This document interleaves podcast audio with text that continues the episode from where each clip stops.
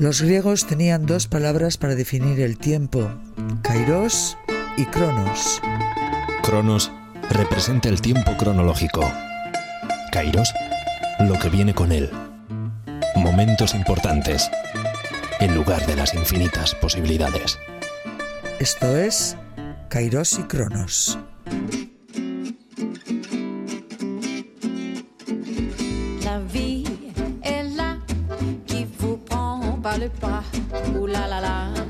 Hola, ¿qué tal? Hoy nuestra conversación es con Esperanza Martínez de Lecea García de Gasteiz.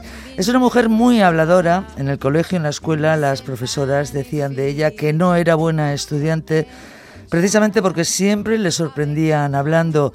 Y la verdad es que habla en varios idiomas, o sea que sí fue buena estudiante y aprendió inglés, francés, alemán y euskera de los tres primeros idiomas es traductora mm, titulada.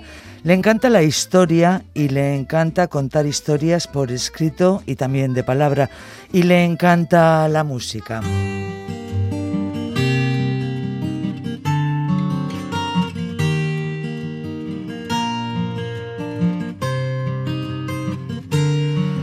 Antes del repaso por su vida, por sus múltiples actividades, anécdotas, facetas, nos quedamos con lo último. Nire gizonak balearen bila, aventurarako ontziraturik, edo gerretan desagertzen ziren bitartean. Nik zaindu dut familiaren ondarea, arduratu naiz etxeaz, seme alabez, zaharrez, kaixoez, baratzeaz eta berez. Esperanza Martínez de Lecea García no es otra que Toti Martínez de Lecea. ¿Qué tal, Toti? Bienvenida. Bien hallada, bien hallada. Bueno, nos Gracias por tu tiempo. Gracias a ti por el tuyo. Eh, decía que nos quedábamos con, con lo último. Eh, es el trabajo musical de Miquel Márquez en el que eh, has colaborado en este que estábamos escuchando, que estamos escuchando todavía al comienzo, recitas. ¿Cómo fue esta colaboración musical? No sé si cualquier día te vamos a escuchar cantando ya. He cantado durante casi 20 años en, dos coros de soprano. Ahora ya no, ya no, ni de bajo siquiera. Pero bueno, con Miquel Márquez nos conocemos hace ya tiempo y este año pues me sorprendió. Bueno, me pidió unas letras, así que le mandé unas letras. Y bueno, sorpresa, dos de las canciones tenían mi letra. Pero luego va y me dice, es que quiero que también eh, recites. Digo, ¿quién yo? así que hicimos la grabación. Y ahí está el disco. Eh, estoy encantada. ¿Qué quieres que te diga? hombre, hombre, claro. Soy me encanta, me encanta la actuación, el teatro, me encanta, me encanta. Decía que es el último trabajo de Miquel Márquez con su hija. Ha salido hace nada, ¿no? Prácticamente nada, para la feria de Durango, ¿no? Eso es, eso es, sí. Toti, tu padre fue ingeniero, creo que contratista. Eh, también eh, firmaba, por ejemplo, el velódromo de Anoeta en Donostia. Te enseñó a nadar antes que andar. Eh, esto de tu padre y tu madre, bueno, mi padre además también hizo las piscinas de Gamarra y un montón de piscinas, las de Tolosa, de Asaín. Eh, era un hombre, le encantaba el deporte en general, pero la natación en especial, porque una hermana suya, que se llamaba, yo me llamo como ella, Esperanza, murió ahogada, ¿no? Y él tenía 14 años y fue quien encontró el cuerpo, así que su obsesión era que todos nadáramos, que todo el mundo nadase, porque decía que incluso si te querías suicidar, a menos que no te pusieras piedras en los bolsillos, el cuerpo mismo reaccionaría, ¿no? y, intentarías flotar. Y te pondrías a nadar. Entonces, eh, mi madre era, le llevaba, mi, mi padre le llevaba 15 años a mi madre. Pero mi padre y mi abuelo eran muy amigos porque los dos eran deportistas. Y mi madre también salió deportista. Pero hay que tener en cuenta que ser deportista después de la guerra, porque mi madre tenía 14 años cuando la guerra, fue campeona de España de natación en 1945, en pleno, en pleno franquismo, en plena histeria eh, en pleno mujer quédate en casa, ¿no? En la que enseñar los muslos era obsceno, te llamaban de todo. Bueno, pues esa fue la Juli, maravillosa, se murió hace de dos años, con 96. ¿Se conocieron nadando tus padres? Sí, sí, sí, sí, Por el tema del deporte en la piscina de Judimendi de Vitoria Gasteiz. Y, y, bueno, y que me, me, cuentan, o me contaba mi madre, que cuando ganó el campeonato mi padre se tiró en Zaragoza. Se tiró a la piscina vestido y le pidió matrimonio. Abrazarle y pedirle matrimonio, Sí, qué bonito. y yo aprendí a flotar antes que a, que a andar. Ajá. Tengo fotos de cría ya metida en la piscina. sí. ¿Cuántos hermanos eh, erais? Eh, Somos tres. Tres hermanos. Tres y mis hermanos también nadadores. eh, ¿Dos chicos? Dos chicos y yo. Quique, Ujú. yo y Miquel. Ujú. Mm. ¿Y en casa había diferencias con esto de- del género, de ser chicos o chicas? ¿Había No, distintas...? No, No. Sí que mi padre, como se casó, ya te digo, después de estar en la guerra y en la cárcel, y pues estaba muy... y su primer hijo era un varón, pues eh, sí, le- pero nunca noté yo, vamos, que estaba muy orgulloso de tener un hijo y todas esas cosas, ¿no? Pero a mí nunca me faltó absolutamente nada y le recuerdo con muchísimo amor a mi padre, que además fue quien me, me esto, eso de que decías de- del colegio, y decía, pues para, para estudiar no valdrás, pero para hablar no callas, así, que aprendí idiomas, ¿no? Y gracias a él pude viajar y pude, bueno, y a mi madre, claro, a los dos. Ujú. Pero luego he sabido que mi madre no estaba muy de acuerdo ¿No estaba muy de acuerdo en que, en que en viajaras? que, y- bueno, en que me fuera a vivir a, a París y a Londres, y a vivir en pisos. Oye, que estamos hablando de los años 60. Claro. Y, y yo tenía 17, 18 años y le había un poco de miedo por parte de mi madre, pero bueno, todo funcionó bien. Toti, ¿cómo fue tu, tu niñez? ¿Cómo, Feliz. ¿Cómo la recuerdas? Feliz, feliz, feliz, muy feliz. Hombre, han pasado los años y me habría encantado tocar un instrumento. pero en vez de ir a clases de música, pues iba a la piscina. Pero, pero sí, sí, fue feliz, fui feliz, no tengo ningún mal recuerdo. Y eso que la familia pasó por dificultades, pero eso me enteré después, ¿no? En el momento mis padres, la verdad es que eh, la, la- la- la imagen que daban era de una pareja muy muy unida y, y- ah, esto, todo amor. Te cuento una anécdota que es que me, me- me acordaba el otro día, me entraba la risa. Eh, mi padre solía irse al cine eh, los jueves y no le llevaba a mi madre, mi madre se quedaba con nosotros. y el, hombre- el tío se iba al cine solo. Entonces Juli, En Gasteiz. en Gasteiz, sí. Entonces Juli un día pues decidió que, que él día también se iba al cine.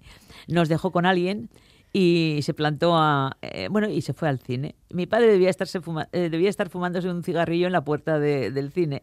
Y entonces entró mi madre y le dijo, hola.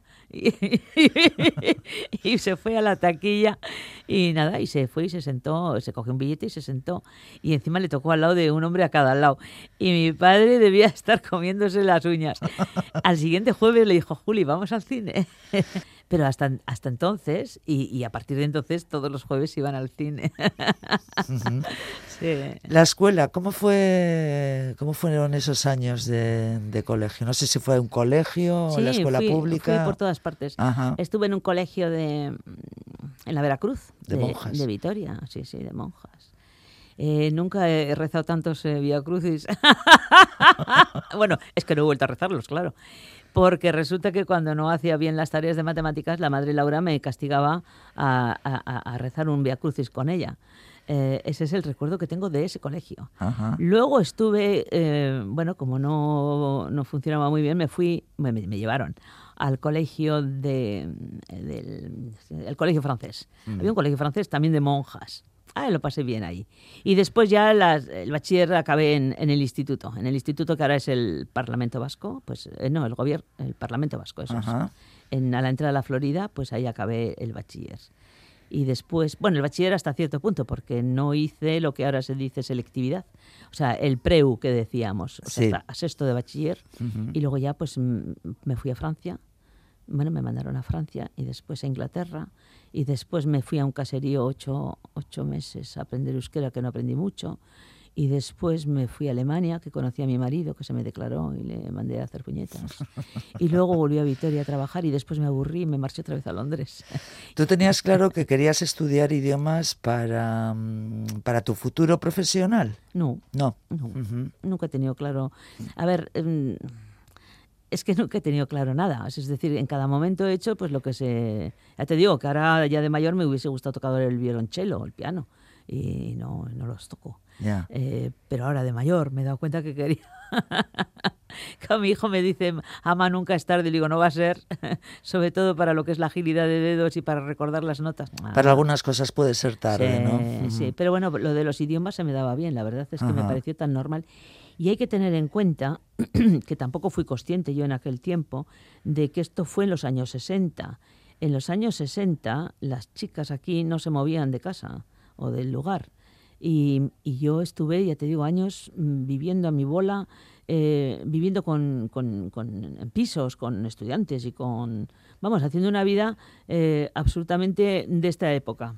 La estuve haciendo hace 70 años, 60. 60, ¿Y te hiciste hippie? Era la época, te tocaba, naturalmente. Tocaba, tocaba. Era la época de, de, los hippies, era la época de los Beatles, era la época de la maricuanti y la, y la minifalda.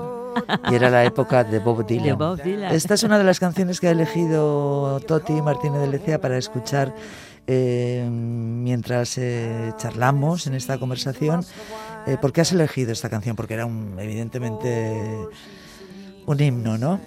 Pues eh, había, había me, dijiste, a ver, elige una canción, pues es que tengo miles de canciones, ¿no? Pero es que esta en concreto, mm, en su momento, aparte de aprendérmela de memoria, y, la toqué con la guitarra, la guitarra 33-33, ¿eh? Chan, chan, chan, chan, chan, chan. Eh, pues decía cosas interesantes, ¿no? Y sí que era la época de la protesta por lo del tema de la guerra del Vietnam, el tema de la, de la discriminación racial, sobre todo en Estados Unidos. Eh, sí, fue una cosa many times. For it is washed to the sea. Yes, and how many years can some people exist before they're allowed to be free. Yes, and how many times can a man turn his head and pretend that he just doesn't see? The answer, my friend, is blowing in the wind. The answer is blowing in the wind.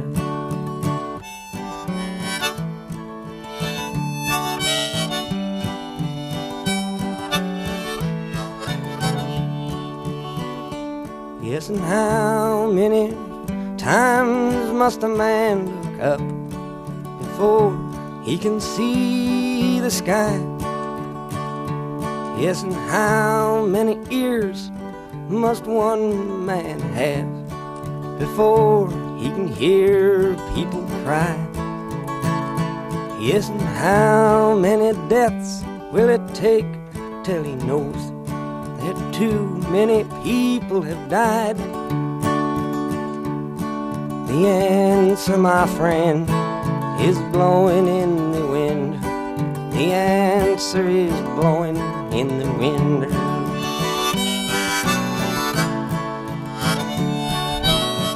La respuesta está en el viento, la canción de Bob Dylan, que sigue siendo un placer escucharla ahora mismo, ¿verdad? Ah, que sí. Luego le cambió la voz y tocó otro tipo de músicas que ya no me llamaban tanto la atención, pero las de la primera época, pues sí, es que estaban ellos y estaba Joan Baez. Aquí teníamos a Les Camairu, teníamos a, Benito Lerchundi y a Xavier Lete, que se acaba de hacer el aniversario de su fallecimiento, y su mujer Lourdes Iriondo. Eh, la Boa. En fin, eh, fue una época muy bonita de cantautores que ahora empieza a darse otra vez, creo, creo, creo, después de pasar pues por mm, bandas, bandas de rock, de, de, rock duro, de rock blando, de pop, de todo esto, empieza otra vez los cantautores a cantar ellos solos, ¿no? La gente que crea y que dice cosas, porque como dice este en la canción que acabamos de escuchar, cuántas muertes tiene que haber para que la gente se dé cuenta que la gente muere, ¿no? Muere todos dicen, todos dicen cosas, ¿eh? aunque sean bandas de rock. Eh, también, también, también. Lo que pasa es que, a las bandas de rock se les entiende menos. Eso es, y si, y si es un tipo de música pues que no te, no te gusta mucho, pues mm. no lo escuchas, pero en realidad todos dicen cosas, aunque está muy bien que cada uno tenga eh, su música como, como todo en la vida. Toti, en Alemania, en uno de tus viajes decías que tu marido se te declara y que le mandas a la porra.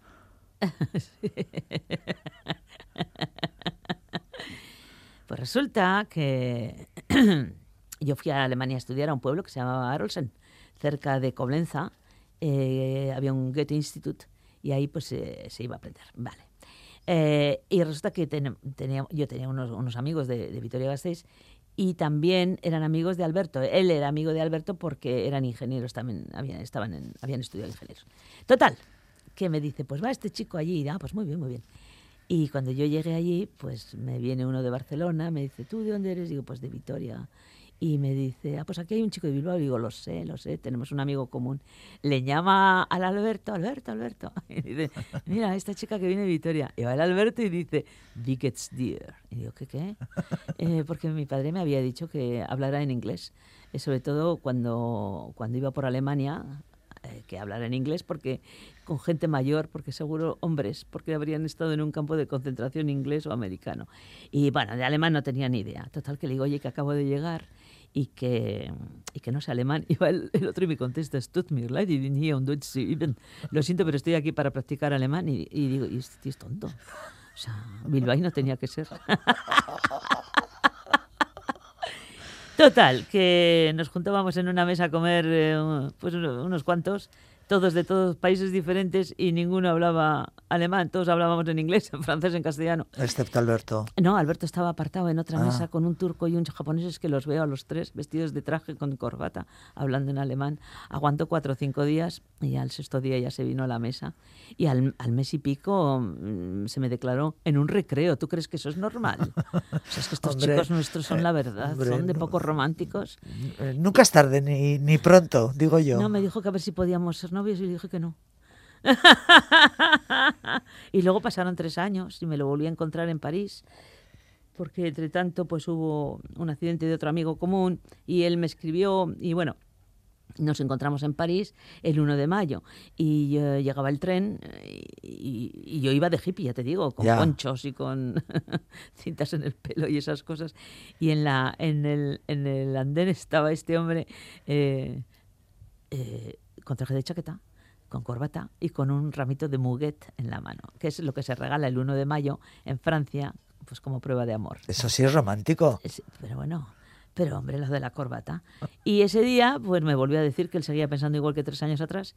Y dije, vale, pues pensé, pensé. O con este o me quedo soltera. Tenía 21 años. Ah. nos casamos ese mismo año. Él se quedó en Francia, yo volví a casa y nos casamos el Día de los Inocentes. Eh, por si acaso, por si acaso no cambiamos de, opinión, y hasta hoy. El año que viene haremos 50 años juntos. Las bodas de oro, que se dice, 50 años juntos. Con Alberto, eh, bueno, tú has creado tu propia familia. En su época, eh, ¿os vinisteis a, Vizcaya, a Larrabechu, a, a vivir? ¿Cuándo fue ese momento? Bueno, después de casarnos estuvimos cuatro años viviendo en Francia y luego yo ya me cansé y le dije a ver si nos íbamos a quedar allí para siempre, porque entonces tenía que cambiar el chip y educar a mis hijos como franceses. Bien, mm, creo que di bastante lata. El caso es que volvimos a, aquí y teníamos claro que queríamos eh, un pueblo no queríamos ciudad, él es de Bilbao, yo soy de Vitoria, pero no queríamos ciudad. Habíamos vivido en París, en Londres, en, en Coblenza, en fin, en sitios muy, muy, muy, muy llenos de gente. Y queríamos un pueblo eh, euskaldun, que se habla de euskera. Y que además una casa vieja para restaurar, porque en Francia se restauraban las casas, aquí se tiraban, pero ahí se restauraban. Y habíamos visto algunas y nos gustaba la idea. Y luego tener una huerta. Eh, y que no estuviera lejos del, del, lugar de trabajo de él, porque yo era traductora, pero las traducciones las hacía en casa, pero él tenía que trabajar en una fábrica en Basauri. Así que encontramos la Arabecho y hasta hoy, hasta hoy, llevamos ya 45 años en la Arabecho y no nos hemos arrepentido nunca de haber ido a vivir allí y estamos encantados. Y en la Rabechu mm, surgió la idea del teatro, ¿no?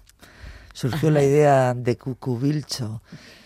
¿Cómo, cómo vivisteis eh, Pues mira, cuando, cuando estábamos en Francia, en, ahí en Charleville-Messier, en las Ardenas, en el norte, pues no había nada que hacer, pero se organizó eh, el primer Festival Internacional de Marionetas, que vino gente de todo el mundo y duró siete días. Como yo no trabajaba y además estaba embarazada, pues nada, me fui a ver todas las, no, todas, pero en fin, fui todos los días a ver el teatro. Cuando volvimos aquí, ya los niños, eh, la niña ya tenía dos años y pico y el niño pues acababa de nacer. Y, y en las fiestas de la Rabechu, pues para esas edades no había así nada. Y para había para más chavales pues, pues hacer carreras de sacos y estas cosas, pero para críos pequeños no había. Entonces se nos ocurrió montar un teatrillo y ponernos en la plaza del pueblo para gran sorpresa, porque en parte éramos los franceses y en parte éramos el ingeniero y su señora. Total, que nos pusimos el teatro, metimos la casete de Lourdes Iriondo Chano Gorrichu. Ajá. Chano goritsu dut izena, amamaren etxera noa. Bueno, pues y hicimos unos muñequitos, unas mm, pampiñas muy, muy, muy fáciles. Y nada, montamos el teatrito, hicimos el, el esto en la plaza para nuestros niños y los niños de los demás, y luego recogimos. Eh, y después, en Navidades, los chicos del Oribay, que es el, el- el club juvenil del pueblo, pues nos vinieron a pedir que volviéramos a hacerlo porque iban a hacer una chocolatada. Esta vez, como nos avisaron con tiempo, hicimos un teatro mejor, con decorados distintos, los muñecos también mejor hechos. Y nada, nos plantamos ahí y así empezó Cocubilcho. Pero tanto que, que tuvo una trayectoria larga, ¿no? ¿Cuántos años? Eh, Pues ha estado estuvisteis? 25, una cosa sea, así. Pero no- nosotros solo hemos estado cinco, estuvimos cinco, ¿eh? Estuvimos cinco años porque es que el teatro estaba en nuestra casa, dentro de nuestra casa. Y Ya. ya. Llegó un momento en que ya, ya nos hartamos, así que... Eso había que dejarlo. Bueno, luego llega eh, la colaboración con Euskal Televista con una serie infantil de 13 capítulos. Eh, yo he leído que 40 programas de vídeo para el Departamento de Educación del Gobierno Vasco, más de mil programas en ETV2. Eh, ¿Cómo se hace todo ETV1, eso? ETV1. ETV1, ETV1, lo En hacíais en euskera, euskera, sí. ¿no? ¿Cómo, cómo, es esa, ¿Cómo es esa época? Pues mm, preciosa también. La televisión, vamos, los medios de comunicación públicos en, en Euskadi recién, recién llegados prácticamente, ¿no? Mm. Recién llegados, bueno, lo del gobierno vasco fue porque se necesitaba material para el Evitasun, por eso, sea, material, se- hubo que hacer todo el material de estudio para las escuelas públicas que iban a ser en euskera y también necesitaban material. Entonces, bueno, me pidieron que diera eh, cursos a maestros y andereños para de cómo hacer marionetas para poder utilizar las marionetas para el aprendizaje del euskera.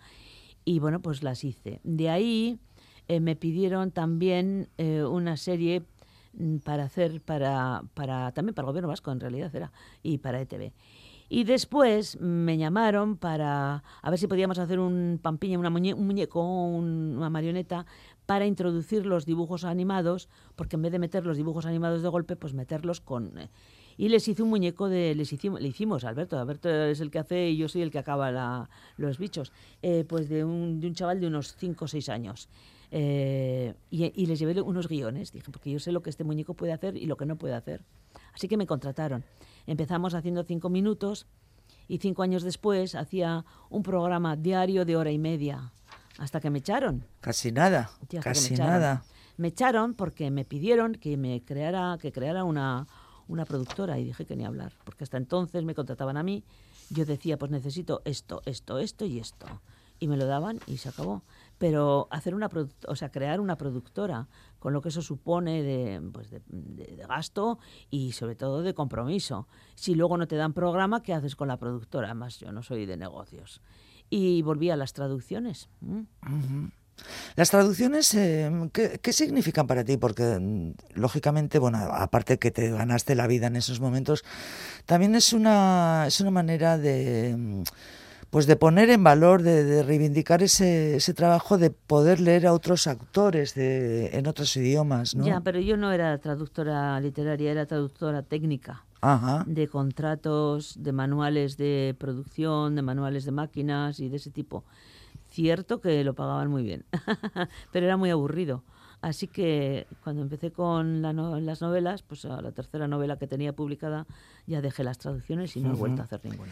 Ese es el comienzo de, de una nueva etapa, tu, tu actividad literaria. ¿Te seguían gustando los Beatles?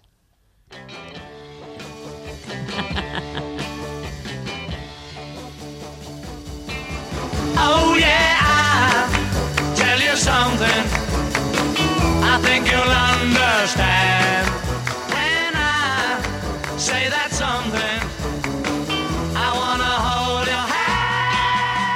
Te preguntaba Toti si, si en esa época te seguían gustando los Beatles. Y, ¿Y ahora, pues escuchamos esta preciosa canción.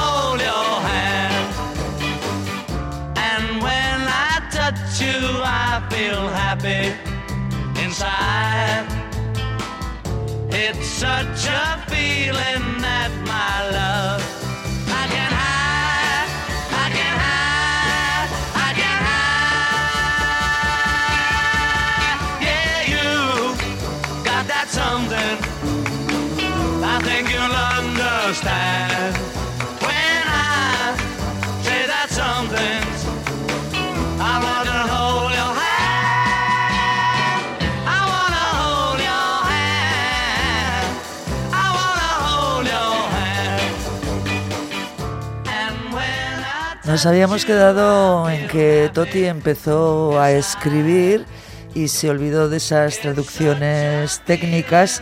La calle de la judería fue su primera novela publicada en castellano en el año 1988. Eh, antes, habías, antes habías hecho cosas en euskera, ¿verdad, Toti? 98, 98. 98. Pero habías hecho cosas en euskera antes, Ah, ¿no? Bueno, había hecho todos los programas de TV que con traductor también, con ayuda de un traductor. Y luego sí, había hecho algunos pinillos, algunos cuentos, pero vamos, ninguna idea literaria en absoluto. Era porque eran necesidades de teatro más que otra cosa. ¿no? Ajá. Decía yo que comienza su trabajo como escritora así ya con mayúsculas, aunque no creo que era un sueño de siempre. Por ejemplo, Toti, ¿tú cómo contestabas eh, cuando de niño, de niña te hacían esa pregunta que nos hacen a todos y que a veces seguimos haciéndola? ¿Qué quieres ser de mayor? Artista, actriz. me encantaba lo del teatro, me encanta, me encanta, me sigue gustando, ¿eh?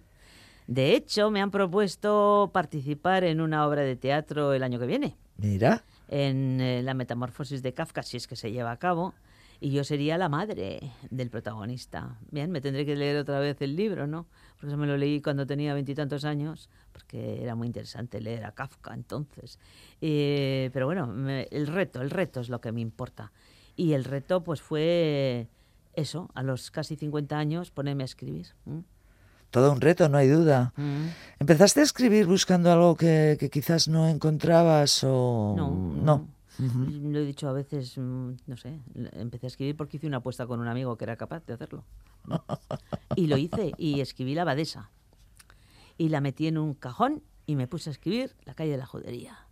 Y me encantó escribir, me encantó empezar y acabar, inventar mi historia, dar vida a mis personajes, crearlos a mi manera, como me daba la gana, eh, hacerlos de todos los tamaños, grandes, gordos, flacos, antipáticos, valientes, generosos, amar, hacerles amar, sentir, pensar, guau.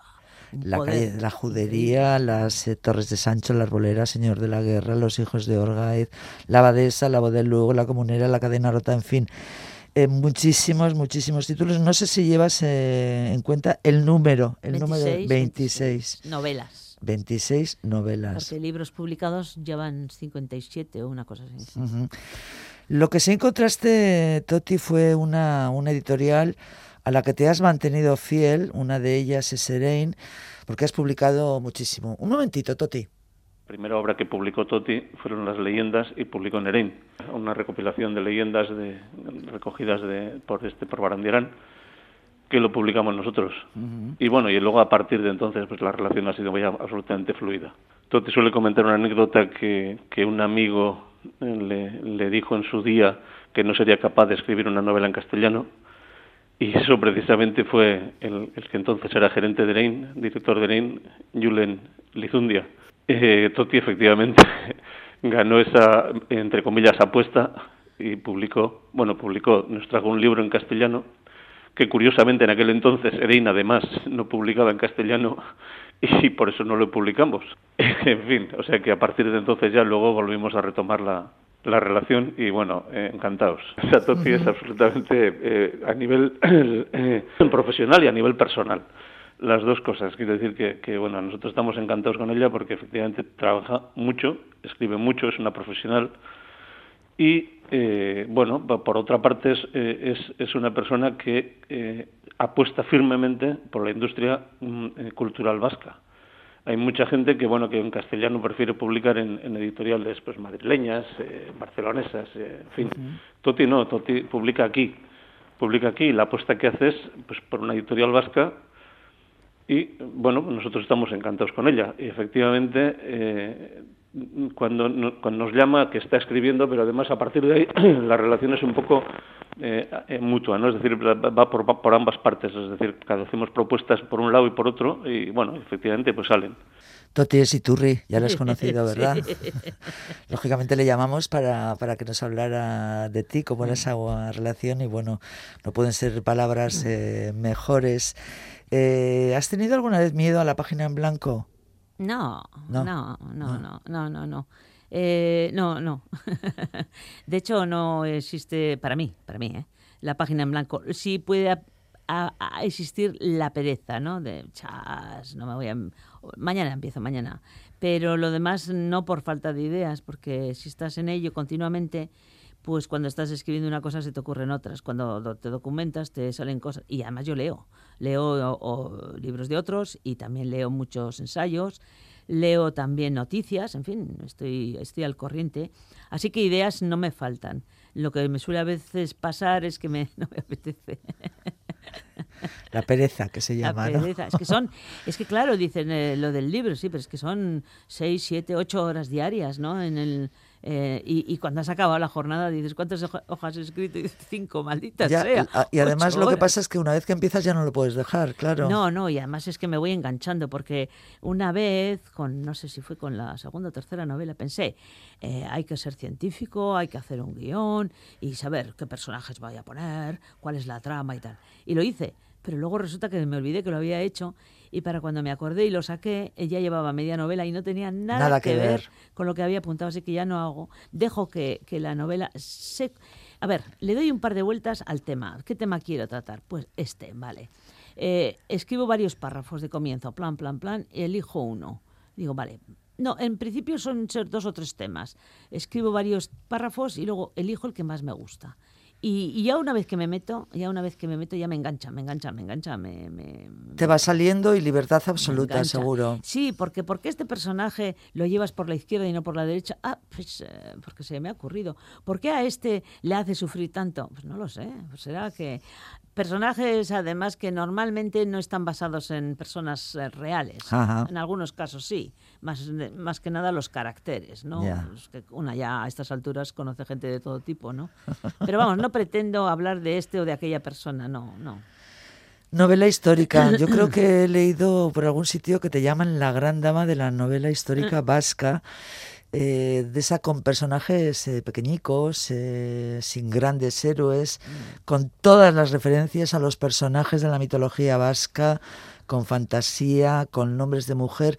Eh, Toti, eh, mm, ¿qué es la novela histórica? Porque yo creo que muchas veces pensamos que es copiar la historia y no Eh. tiene nada que ver, ¿no? Eso es, eh, es lo que dicen los que no, no pueden hacerlo y los que no saben. A ver, eh, lo de la novela histórica, como lo de la novela romántica, eh, policíaca o negra, de aventuras, eh, de sexo, son títulos que se le, ha dado a la, se le ha dado a la narrativa pues desde mediados del siglo XX. Es que antes no existía eso, antes la literatura era la poesía, las biografías, el ensayo y la novela, sin más. Cuando Tolstoy escribió Guerra y Paz, nadie dijo que era una novela histórica, era simplemente una novela. Y el hombre estaba, en realidad, escribiendo unos hechos que habían ocurrido eh, antes de que él naciera, o sea, que él no los había conocido. Y si echas un vistazo a todas las grandes novelas, entre comillas, históricas, pues pasa que ninguno de los autores lo ha vivido. O sea, a ver, concretando, para mí una novela histórica es una novela que el autor o la autora escribe eh, y sitúa la trama en una época que no ha vivido. Y por poner un ejemplo fácil, ya que hemos hablado de mi madre, si yo ahora quisiera escribir una novela en la que la protagonista fuera ella o una nadadora, una chica eh, después de la guerra intentando nadar y teniendo que eh, hacer frente a los prejuicios y de la época, eh, tendría que documentarme, porque yo no viví esa época, por lo tanto tendría que documentarme en cuanto a, a qué se, cómo se vestían, qué comían, cómo fue mi madre de Vitoria a Zaragoza, fue en tren, fue en autobús, allí donde durmió, en fin, una serie de cosas, en qué piscina nadó. Entonces, eh, que sería una, tendría que documentarme y por lo tanto sería tan histórica para mí como escribir una de romanos, así de claro. Y te voy a decir más, el 90% de la literatura eh, internacional, o sea, es novela, pues, entre comillas, histórica, Histórica. porque los autores no han vivido esa época. Por ejemplo, eh, te sacan una novela mm, de, que ocurre durante la Primera Guerra Mundial, pues eso es histórico, porque el autor no lo ha vivido, o sea, o sobre la Segunda Guerra Mundial tampoco lo ha vivido, o lo ha vivido era un crío, o sea que... Ya, pero a veces, eh, no sé si te, si te parece, Toti, no pensamos que la novela histórica es la que habla de esos grandes personajes de la historia, que algunos pueden ser odiosos, otros... Es que ¿No? Es que eso también existe. Es decir, esos son los que cogen la historia y hacen hablar a los- sus personajes, ¿no? A los personajes de la historia. Pero es que resulta que soy una gran aficionada a la historia y si quiero saber qué le pasaba, pues yo que sé, a, a- no sé, a, Fe- a Felipe II, bueno, pues por, por decir uno, a Luis XIV de Francia, Sí. pues me leo un ensayo. Claro. No, no, no, me, no me meto en la cama con él, porque es que no sé lo que hacía en la cama. Ahí tengo una novela en la que aparece Sancho III mayor de Navarra, pues desde el siglo XI. Y- y él no es el protagonista principal. El protagonista principal pues es el señor de Vizcaya y el señor de Guipúzcoa, que eran señores navarros que Sancho III nombró como señores de estas provincias, pone también entre comillas. De esos no se sabe nada más que que eran navarros y que fueron nombrados señor de Vizcaya y señor de Guipúzcoa. Vale, pues si no están documentados, yo puedo hacer con esos personajes lo que quiera. Lo que quieras, evidentemente. Pero con un personaje que, que está documentado, y hay algunos que están muy documentados, pues hombre, em, puedes pensar que crees saber lo que el hombre o la mujer pensaba, pues porque hay leyes, porque hay, hay documentación, pero no sabes cómo era la persona en realidad, ni ya te digo con quién se metía en la cama. Entonces, escribí un libro que es un divertimento, que en fin, está descatalogado, que se titula Placeres Reales, Reyes, Reinas, Sexo y Cocina. Y cuento la vida sexual de 10 eh, los reyes de, de los 10 reyes y reinas más puteros de la historia de Europa. Eh, pero no es una novela, es una realidad. Me documenté bien. Si Carlomagno tuvo, dicen que tuvo 23 hijos, no le pongo 25, le dejo con sus 23. Con esos 23. Pero les cuento todas las historias, las mujeres, las amantes, los hijos, los no hijos. Luego meto recetas afrodisíacas, que en realidad, eh, ¿qué te quieres que te cuente? ¿Por qué es afrodisíaca la canela, por ejemplo? ¿Por qué es afrodisíaco el perejil? Y después pongo pues, poesía erótica, que tampoco es mía. Ya. Bien, pero eso es a lo más que llego, es decir, eh, eso es a lo más que llego en cuanto a escribir sobre un personaje real y documentado. En tu caso son historias eh, donde haces vivir a los personajes eh, de nuestras leyendas. Nuestra mitología es extraordinaria, ¿verdad? Hay muchísimo donde elegir. Y ahí tienes tú, bueno, o sea, para cuantísimas más novelas. Pues sí, tengo dos novelones que se llaman Enda e Itún y que cuenta la historia... A ver, cuando Homero escribe la Iliada, él no ha vivido los hechos de la Iliada. Eso ha ocurrido 200 años o 300 años antes que él viviera. Sin embargo, le ha llegado algo, porque tampoco hay ninguna documentación escrita. Se supone que le llegaría por bardos, por pues, eh, relatos, eh, narraciones, el boca oreja y esas cosas. Y sin embargo, crea una historia que es en parte real, es decir, la guerra entre griegos y troyanos es real. Los lugares son reales. Sin embargo, eh, los personajes de la historia está pues Príamo, Helena, Menelao, Agamenón, Aquiles, Ulises. Estos están inventados por este hombre y por su escuela. Están inventados. Lo que no está inventada son los dioses. Los dioses existen porque en ellos creían los griegos y también este Homero en, en el en el Parnaso, o sea, son Zeus y Afrodita, Hera, Apolo y todos estos, ¿no? Bien, pues en estas novelas que te cuento hago yo lo mismo. Eh, saco a mis personajes de, de las leyendas y los pongo a hablar y los pongo a vivir porque una mitología no son cuentos para niños por mucho que el personal se empeñe. Una mitología es cuando una religión en la que se ha creído deja de creerse y esas creencias pasan a ser, mm, pues eso, cuentos, leyendas, mitología. Mitos. Mitos, exacto, mitos. Entonces, bueno, pues eh, nosotros tenemos aquí en eh, Euskal Herria, en todo lo que es eh, el, el País Vasco, y lo que fue, porque fue bastante más grande, más amplio que de lo que es ahora, ¿no? Pues, por ejemplo, para ser el tamaño de país que tenemos, el tamaño de pueblo que tenemos comparado con otros y el número de habitantes, pues tenemos una de, mm, no voy a decir la más rica, pero yo diría que sí, que una de las más ricas de Europa. Eh, tenemos siete tipos de gigantes, seis tipos, no, seis tipos de gigantes, siete tipos de enanos, con nombres diferentes, con actuaciones diferentes. Lamias, tenemos cuatro, cinco. Lamia, Eleilamia, Amilamia, Lamiña Cue y Chaslamia. Son cinco, cinco lamias diferentes. Tenemos dragones con uno, con tres, con siete cabezas. Y luego está la diosa que todavía subsiste.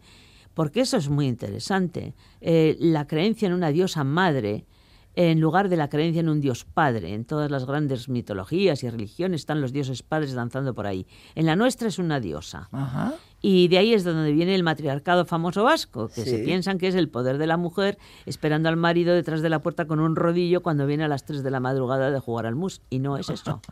El matriarcado es la creencia en una diosa madre, de la cual emanan las leyes, como puede ser, sobre todo la fertilidad, el futuro, la familia. Cuando los dioses padres ocupan el lugar de las diosas madres, eh, pues cambian también las creencias y se va a la obediencia, al orden, al control. Eh, ese es el patriarcado. Sí, sí. Así de sencillo. Ajá. ¿Tú por qué crees que, que la gente se creía lo que se decían de lo que se decía de las mujeres de las brujas que volaban con poderes sobrenaturales, que se hartaban de hacer aquelarres, vamos, A ver, pues las brujas eh, ni existieron, ni existen, ni existirán, tal y como nos las han pasado. Eh, y tampoco son mitológicas, que aunque las meten en la mitología, no son mitológicas, eran personas de carne y hueso a las que se torturó, se persiguió y se mató vivas. En Europa se persiguió, pues se cuenta entre 50.000 y 100.000 personas asesinadas por este motivo. Aquí en nuestra tierra, ya te digo, pues es pequeña, he calculado yo que unas mil, unas mil a lo largo de tres siglos. Eh, en especial en el siglo XVII. Eh, 1600, sí. bueno, 1500, 1600, sí, en, en dos siglos. Eh, ¿Por qué se cree? Pues porque hay necesidad de creer en algo, la gente necesita creer en algo, la gente tiene miedos y esos miedos se alientan con este tipo de cosas, lo estamos viendo ahora, ¿no? Eh, no solamente es el miedo, sino que alienten el miedo. ¿Y quién alienta el miedo? Pues alienta el miedo el poder. El poder. El poder necesita, por ejemplo, el año pasado saqué una novela que se titula Hierba de Brujas, eh, Sorgin Belarra en euskera. Eh, cuando enseño la portada, que es una belladona, y el libro está tirando a lila, pues, y pregunto, ¿de qué creéis que va esto? Hierba de brujas. Siempre me contestan, brujas, hechiceras, ungüentos. Y digo, pues no. No va de eso porque estaría escribiendo una novela de fantasía, y no lo es. Va de inquisidores, de inquisidores, que se dedicaron a perseguir mujeres y hombres también, por todos los pueblos de Navarra, de la zona del Pirineo. Pero la cuestión viene más, es más larga, ¿no? La cuestión es ¿por qué? ¿Por qué un hombre culto que sabe idiomas, que se ha hecho toda una carrera, que es de los pocos que sabe leer y escribir, eh, puede creer que hay una mujer por ahí volando, fornicando con el diablo, matando a niños, haciendo impotentes a los hombres, estériles a las mujeres? Es imposible. Entonces, ¿qué? la pregunta es ¿por qué lo hace? ¿Por qué lo hacen? Pues en el caso de Navarra fue político, fue la gran caza de brujas fue después de la conquista. Ajá. Y claro, una conquista no se, o sea, un pueblo no se conquista, se puede conquistar en poco tiempo, pero los rescoldos quedan ahí, ¿no? Y luego la obsesión de otros por el tema sexual, ¿no? El tema de la mujer, que ha sido perseguido desde que Dios nos condenó a parir con dolor y a estar dominada por el hombre, según la, el Antiguo Testamento, desde entonces. Toti, ¿alguna vez te han dicho que... o te han preguntado si eras un poco bruja? Sí, bueno, pero no lo soy, no lo soy. Por supuesto que no. Hemos puesto una canción que sé que te encanta. Me encanta. Garchoz de Pello Ramírez, de Ordicia, que está tocando el violonchelo. Es que no solo toca el violonchelo, Toca todo, el piano Toca el también al comienzo, ¿verdad? y es el compositor. Ajá. Escuchamos y hablamos un poquito de, de este, de este compositor. Sí.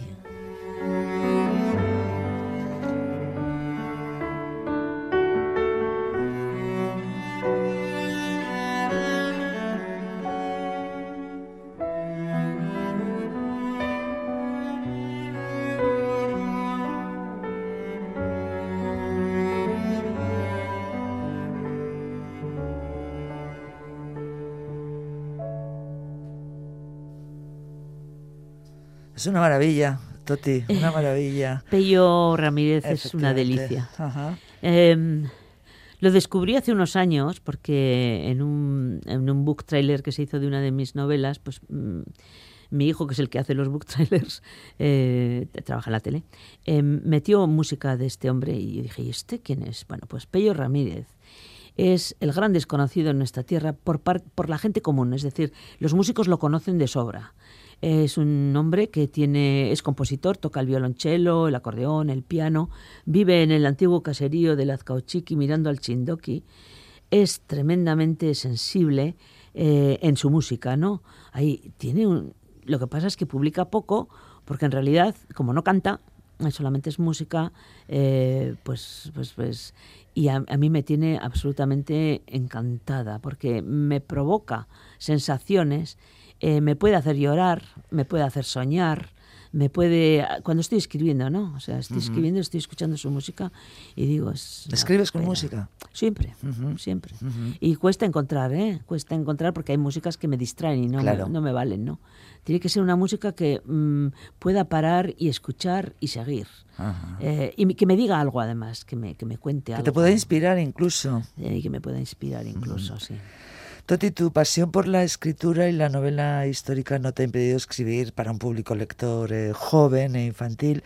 Y en este apartado está esa maravillosa serie Nur de 12 novelas. Eh, no sé si sigues con ella. Son 15 ya. Son 15 ya. Bueno, fíjate, me he quedado yo Y ahora estoy con la 16. Ah, Nur es tu nieta. No eres mi única nieta, nuestra única nieta. ¿No tenemos Ajá. más? No. Ujú. ¿Y cómo se te ocurrió esto? Son historias en reales, pero en las que la fantasía, por supuesto, no falta, ¿no? Pero ¿cómo se te ocurrió? em, Nuestra hija se Sí. fue a China a estudiar chino, esa seguía como yo, ¿no?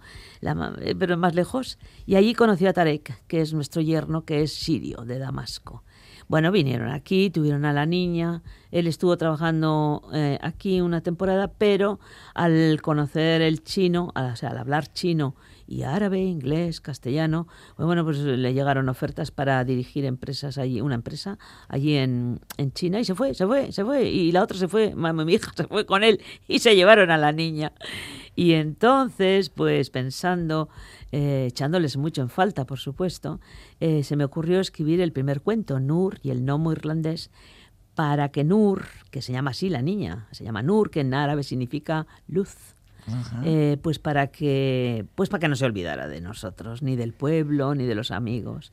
Solo pensaba escribir uno, pero ya te digo, estoy con el 16, han pasado unos cuantos años, la niña ya tiene 21 años, está estudiando en la universidad en, en Francia, así que, pero... ya tendrás que hablar de novios y de... No, no, no, no, no. no, no, no, no, la he dejado con 11 años y ahí se queda. No, no, no, la vida privada, no. Es la vida privada, Sí. efectivamente. Eh, nosotros hemos puesto cara a, a tu familia y, eh, Sí. y a ti, eh, a Nur, con, con los maravillosos eh, dibujos de Juan Luis Landa. Escucha, Toti. La- Las ilustraciones ponen imagen al texto y yo pretendía que, que- los niños viviesen mm, con gran intensidad los textos que, que leían en los libros de Toti. Nur era el personaje principal y, lógicamente, eh, como era su propia nieta, pues te- tenía que parecérsele a ella. Entonces, eh, eh, bueno, el mayor esfuerzo fue eh, eh, desarrollar el personaje porque porque la autora tenía que reconocer en el personaje a su propia nieta, pero bueno, a la vez pues eh, no podía convertirse en una mera caricatura, ¿no? Ha- Había que ir cambiándolo poco a poco y adecuándolo a su nueva edad, ¿no? Toti me, dio mucha libertad a la hora de, de- de dibujar. Necesitaba reconocer a, su nieta en el personaje, pero todo lo demás fue libertad por parte de ella, por parte de la editorial y, bueno, era un ambiente muy propicio pues para, pa- para un, ilustra- un ilustrador para dibujar lo que quiere y, y- bueno y, el resultado de ello pues fueron pues una, una gran cantidad de ilustraciones que que de las cuales me quedé muy satisfecho. Muy bonito trabajar con ella le, le debo mucho eh, me, me he sentido muy querido eh, por, por ella y por su familia eh, muy y muy apreciado profesionalmente eh, como como pocas veces lo he sentido entonces eh, solo tengo palabras de agradecimiento pero muy sinceras eh, y de corazón eh, por, eh, hacia Toti y la añoro mucho Te echa de menos, dice Juan Luis. Sí, pero la culpa la tiene él. Porque resulta. Bueno, no, no es la culpa. Eh, bueno, pues a este le gustaban dibujar cómics, de estos libros de ilustraciones históricos también. Historietista, sí, dice. Sí, sí. Y bueno, le, le salió, le ofrecieron un trabajo con una editorial francesa. Y bueno, pues eh, no, no, no, no pudo decir que no. Y el que se encarga ahora de los dibujos de Nur es Iván, su hermano, Iván Landa. Juan Luis Landa, Iván Landa. Eh, les, les quiero muchísimo a los dos, muchísimo. Ajá. Porque además eh, me dan una envidia. Eh, yo que pinto una casa con cuatro líneas y un tejado triangular y soy incapaz de ver perspectivas cuando veo lo que hacen, porque además les paso el texto y digo, ah, haced lo que queráis, ¿no? O sea, haced, dibujad. Eh, sí, a veces me, me fijo y le digo, oye, que estamos hablando en invierno y le has puesto camiseta, haz el favor de poner un jersey. Esos son los detalles. Todos los niños que han salido en esos libros son reales también. Eh, todos distintos, niños y niñas, todos distintos. Primero eran ah, los amigos de Nur, después eran los hijos de nuestros amigos, después los sobrinos de nuestros amigos, ahora son ya los nietos de nuestros amigos. Pero sí, sí, son todos niños reales y niñas, sí. Toti, ¿cuántos libros eh, te imaginas que has dedicado, que has firmado eh, en, pues en las ferias, eh, allá donde hayas estado? No lo sé. Muchos. ¿Tú crees que las dedicatorias se pueden convertir en un género literario igual? Porque, madre mía. A ver, mm, yo no soy fetichista, o sea, a mí pues, nunca pido, si me firman un libro, al- pues vale, me parece muy bien, pero no voy a hacer cola para que me lo... Pero hay gente que la hace. Eso es lo que me asombra. Ajá. Y que sean capaces de esperar como han esperado en Durango todos estos años durante una hora, hora y media. Y yo, pero por favor. Y no te digo nada cuando veo a alguien del arrabecho en la cola. Pues les eh, digo, ¿tú de qué vas? O sea, si no tienes más que tocar a la puerta de casa. es que me hace ilusión. Y digo, pero por favor. pues muchas, muchas dedicatorias. Intentando además a ver, no puedes hacer una novela cada vez que haces una dedicatoria, pero sí me gusta que sea personalizada, ¿no?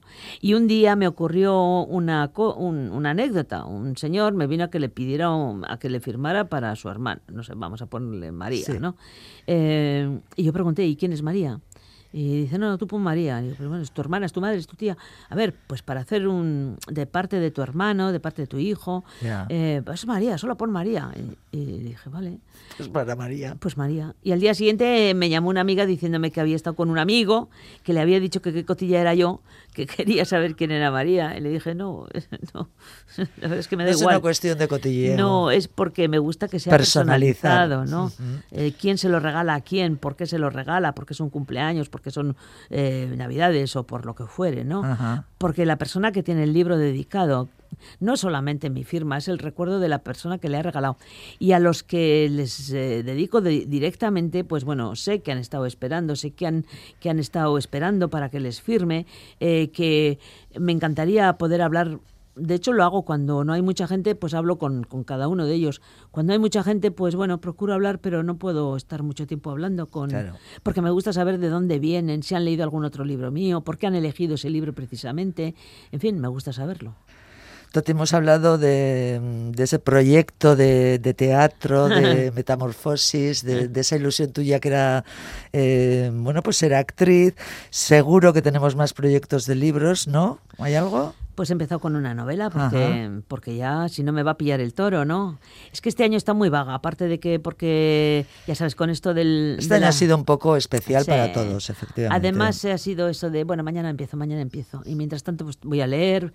Me he visto óperas enteras en, en, en la, aquí en el, el ordenador. O sea, he, he descubierto músicos que no conocía y también escritores, en fin, muy bien. Pero, y como ya tenía el libro hecho de este año, pues para qué... Bah. Pero ahora, bueno, ya empieza a acabarse el año y el año que viene Y tiene... hay que empezar con otro. Entonces ya he empezado, ya he empezado con otro. Ajá. Y este eh, va de... Puse dos, dos párrafos, de- ya te digo que suelo empezar con dos o tres historias a la vez. Y puse dos párrafos el otro día en el, eh, en el Facebook, que es la única red que utilizo.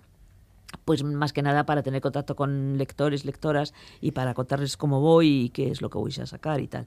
Y les puse los dos párrafos y les pregunté a ver cuál de los dos les gustaba más. Y por goleada el segundo. Así que, bueno. Así que el segundo. El primero empieza con una violación y el segundo empieza con un llanto desgarrado en lo alto de una montaña y pues parece que les gusta el segundo.